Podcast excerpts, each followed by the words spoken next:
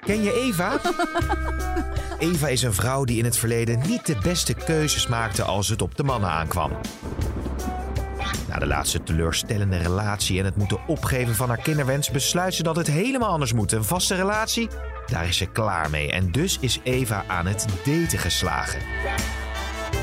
Dit is het Dagboek van Eva, een podcast van Vrouw. Donderdag. En nou ben ik je sippensnuit zat. Jij moet er even lekker uit, meid. Ivo is heel geduldig met me geweest, maar de koek is blijkbaar op. En terecht ook. Er is geen eer aan mij te behalen sinds ik een week geleden onverwacht bij Roy op de stoep stond en hem daar aantrof met een andere vrouw. En niet zomaar een andere vrouw, het was de moeder van zijn kind. Hij biechtte het meteen op. Ze hadden een heel goed gesprek met elkaar gehad en wilden het proberen.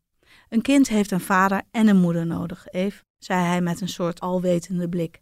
Gadver, alsof hij net uit de wij jonge ouders stond voor te dragen. Ik kon hem wel een klap voor zijn kop verkopen. Een paar maanden geleden wilde hij er nog helemaal niets van weten dat hij vader zou worden. Sterker nog, ooit was dit een van de meest spannende, vrijgevochten, dominante en sexy mannen die ik ooit in mijn leven was tegengekomen. En nu stuurde hij mij zijn leven uit, omdat hij koos voor het verschonen van strontluiers en warme golven melk in zijn nek. Maar ik begreep hem volledig. En ergens was ik voor het kleine ventje ook wel blij dat Roy zijn verantwoordelijkheid nam. Ik had gewoon als eerste weg willen zijn en nu werd ik weggestuurd. Het ergste was nog wel dat de moeder, Roy's vriendin, zich ook nog voor kwam stellen. Verbijsterd nam ik haar uitgestoken hand aan. Hi, ik begrijp dat dit heel ongemakkelijk voor je moet zijn, maar ik wil je bedanken dat je Roy hebt gepusht om zijn rol als vader op te eisen. Ik snap hoe moeilijk dat voor jou moet zijn geweest. Ik zei niets en keek haar met een lege blik aan. Ze begon wat te stotteren.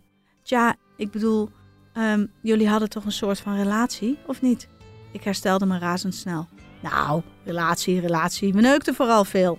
Voor een relatie zijn Roy en ik niet in de wieg gelegd. Maar wie weet gaat het jou lukken om hem wel te temmen. Ik wens jullie alle geluk van de wereld. En met die woorden ben ik de straat opgevlucht. In de auto liet ik mijn tranen de vrije loop. Dit was dus precies waarom ik me niet wilde binden. In die end krijg je toch de deksel op je neus. Je wordt toch weer gekwetst. En dit zou de allerlaatste keer zijn dat ik me dat liet gebeuren, sprak ik met mezelf af. Ik rechte mijn rug en haalde diep adem. Het is afschuwelijk met mij, hè? Ivo knikt. Ja, echt. Ik heb je nu al een paar keer in de kreukels meegemaakt, maar nu vind ik wel dat je heel erg van het pad af bent, meid. Ik blijf het niet herhalen, maar als Roy jou niet had gedumpt, had jij hem uiteindelijk de deur gewezen, hè? Het was al een aflopende zaak. Ivo heeft gelijk. Groot gelijk. Mijn ego is alleen iets te geknakt om het ook zo te voelen. Wat was je van plan? Wat wil je gaan doen? Ivo's ogen beginnen te glinsteren als hij doorkrijgt dat ik zijn plan met beide handen ga aannemen. Vrijdag. Ivo heeft een hotelletje geboekt voor het weekend en hij heeft via via VIP-kaarten voor een waanzinnig feest weten te scoren. Overal waar ik kijk staan mooie mensen. Ik ben dolblij dat ik afgelopen week bijna niets heb kunnen eten in al mijn misère, waardoor de leren broek, die ik al minstens een jaar niet meer paste, ineens weer als gegoten zit. Ik heb er een paar waanzinnige hakken onderaan en ik ben volgens Ivo to die for. Zo voel ik me ook. Als ik al een tijdje met een leuke man sta te praten, die zijn ogen overduidelijk niet van mij af kan houden. Loop je even met me mee? Hij wacht het antwoord niet af en trekt me mee naar de ruimte waar het veel rustiger is. Wil je een snuifje?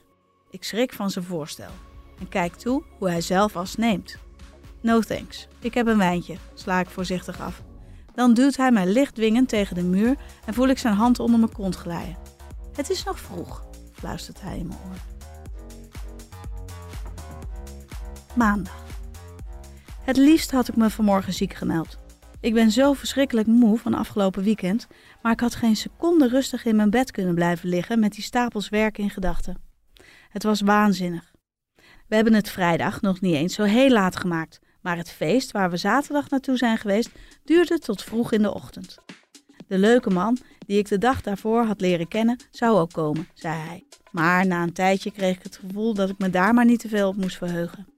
Ik kon me daar prima bij neerleggen. Hij was net iets te glad naar mijn mening. Een prachtige man hoor, en ook zeker wel aardig, maar type glijer. Oppervlakkig, precies op het juiste moment de juiste dingen zeggen en alleen maar uit op seks. Nou ben ik daar ook niet vies van, maar ik had me voorgenomen om een avond lekker te feesten met Ivo. Ik wilde hem niet achterlaten om zelf met een tot voor kort onbekende man in bed te duiken. Daarbij stond zijn kookgebruik me niet aan. Ik heb zelf ook wel eens iets gedaan op dat gebied, maar deze man wist er wel heel goed raad mee. Je moet er toch niet aan denken dat je een relatie met een halve drugsverslaafde krijgt? Tijdens het feest zaterdag ben ik er eens goed op gaan letten. Vrijwel iedereen leek te gebruiken. Hoe denk je anders dat zij het zo lang volhouden? gilde Ivo in mijn oor toen ik hem erop wees. We hadden de hele zaterdag op bed gelegen, films gekeken en bijgeslapen. Daarom trokken wij het tot het einde. Maar de prijs moet ik er dus nu wel voor betalen. Ik gaap zo ongeveer om de 10 seconden en ben uit pure noodzaak al aan mijn tweede dubbele espresso bezig. Niet te doen, hè? We zijn hier te oud voor, hoor ik Ivo ineens zeggen. Ik knik. Ja, je merkt nu wel dat je geen 18 meer bent. Ik zou het liefst mijn bed weer induiken. Maar het was het wel waard. Ik heb echt genoten van ons weekendje weg. We geven elkaar een korte knuffel, waar gelukkig niemand op de afdeling meer van opkijkt. Dan haal ik diep adem en recht mijn rug. Aan de slag nu. S'nachts een vent, overdag een vent. Vanavond lekker vroeg mijn bed in en dan zal de ergste vermoeidheid wel weer achter de rug zijn. Vrijdag. Ivo's verhuizing is bijna helemaal klaar.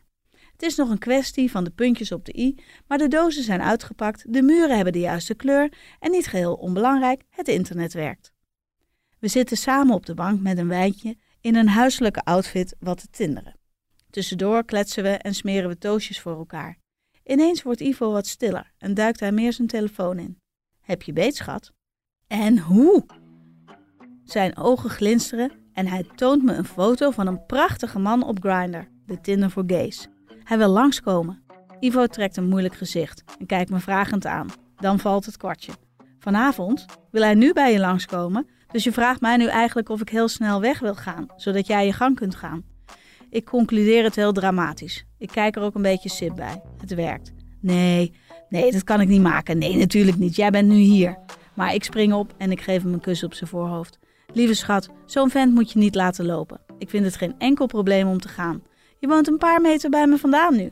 We zullen elkaar wel vaker zien in de nabije toekomst. En na nog een paar keer herhalen dat ik het echt, echt geen probleem vind, loop ik op mijn blote voeten naar mijn eigen appartement. Als ik de deur achter me dicht trek, voel ik me toch ineens heel alleen. Maar dan zie ik dat ik een match heb op Tinder. En wat voor match? Dinsdag. Ik zie het scherm van mijn telefoon oplichten en krijg direct een kriebel in mijn buik. Sinds vorige week heb ik intensief appcontact met Wart. Als het aan mij lag, hadden we dit weekend al afgesproken met elkaar, maar hij hield de boot op dat gebied wat af.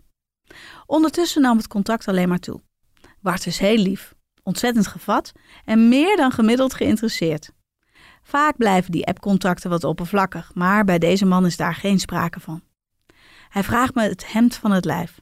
En ik heb het idee dat ik in die paar dagen tijd al meer met hem heb gedeeld dan met Roy. Roy, van wie ik helemaal niks meer hoor trouwens. Ik zag nog wel op Facebook dat hij zijn profielfoto heeft aangepast, naar een afbeelding met kind uiteraard. En hij heeft zijn relatiestatus gewijzigd. Ik viel bijna van mijn stoel toen ik dat ontdekte. Het lijkt alsof hij in een totaal ander persoon is veranderd. Hij is volledig in de papa-modus geschoten. Ik ben blij dat hij niet meer in ons appartement woont. Ik had er niet aan moeten denken om hem met de baby in ongetwijfeld hippe bugaboo tegen te komen. Het is goed zo. Toch heb ik hem nog niet van mijn Facebook afgegooid. Ik wil het wel van een afstandje blijven volgen, dat gezinsgeluk. Misschien een vorm van zelfkwelling, hoewel ik nieuwsgierigheid een logisch verhaal vind. Maar Wart dus, die ook als aardig nieuwsgierig kan worden bestempeld. Hij appt me met de vraag hoe ik geslapen heb en of ik nog plannen heb voor vandaag, buiten werken dan. Mijn hart maakt een sprongetje. Ik heb niets gepland vanavond en zie een date wel zitten. Subtiel tik ik dat ik voor vanavond nog geen invulling heb gevonden. Vol spanning kijk ik naar het scherm, waar ik zie dat hij aan het schrijven is. Een mooi moment om wat series te kijken dan. Even lekker ontspannen na een dag hard werken. Ik heb vanavond een afspraak met een zakenrelatie en daarna ga ik sporten. Het zal wel een latertje worden. Sport jij eigenlijk? Teleurgesteld leg ik mijn telefoon neer. Echt happig is hij niet. Of ben ik te happig? Dat kan natuurlijk ook. Waarom ook zo hard van stapel lopen? Ik zit een beetje in een modus waarin het hooguit een paar dagen appcontact en dan daten is. En dat hoeft natuurlijk echt geen regel te zijn. Deze Wart doet het gewoon wat rustiger aan. Ik besluit vanaf nu de weg hard to get in te slaan. Daar worden mannen over het algemeen wel wat happiger van. Zaterdag. Van een date met Wart is het nog steeds niet gekomen en ik heb het hele weekend dan ook volgepland om hem vooral niet het gevoel te geven dat ik op hem zit te wachten. Het appcontact gaat onverminderd door. Ik ben uit met Marloes en aan aandacht hebben we geen gebrek. We zijn in een hippe club waar de gemiddelde leeftijd gelukkig niet rond de 20 ligt. Ik krijg altijd zo'n minderwaardigheidscomplex met al die jonge meiden om me heen, verzucht ik terwijl ik in het felle licht van het toilet mijn make-up wat bijwerk. Moet je nou toch kijken, wat een rimpels, nu al. En het is nog geen middernacht en ik begin alweer moe te worden. Plotseling trekt Marloes mij aan een arme toilet in. Ze tovert een klein wit envelopje uit haar BH en biedt me wat aan op haar lange nagel. Hier neem een snuif. Hoe denk je dat iedereen het anders volhoudt? In eerste instantie wil ik het afslaan. Twee weken terug werd ik er tijdens het uitgaan ook al door een leuke man bijna toe verleid, maar nu voelt het anders. Dit is een vriendin. Marloes is een volstrekt normale, leuke vrouw. Absoluut geen drug addict. Schat, toe nou. Dan kunnen we nog even doorgaan. En dan snuif ik het witte poeder van haar nagel op. Wil je de volgende aflevering van het dagboek van Eva niet missen? Abonneer je dan in je favoriete podcast-app.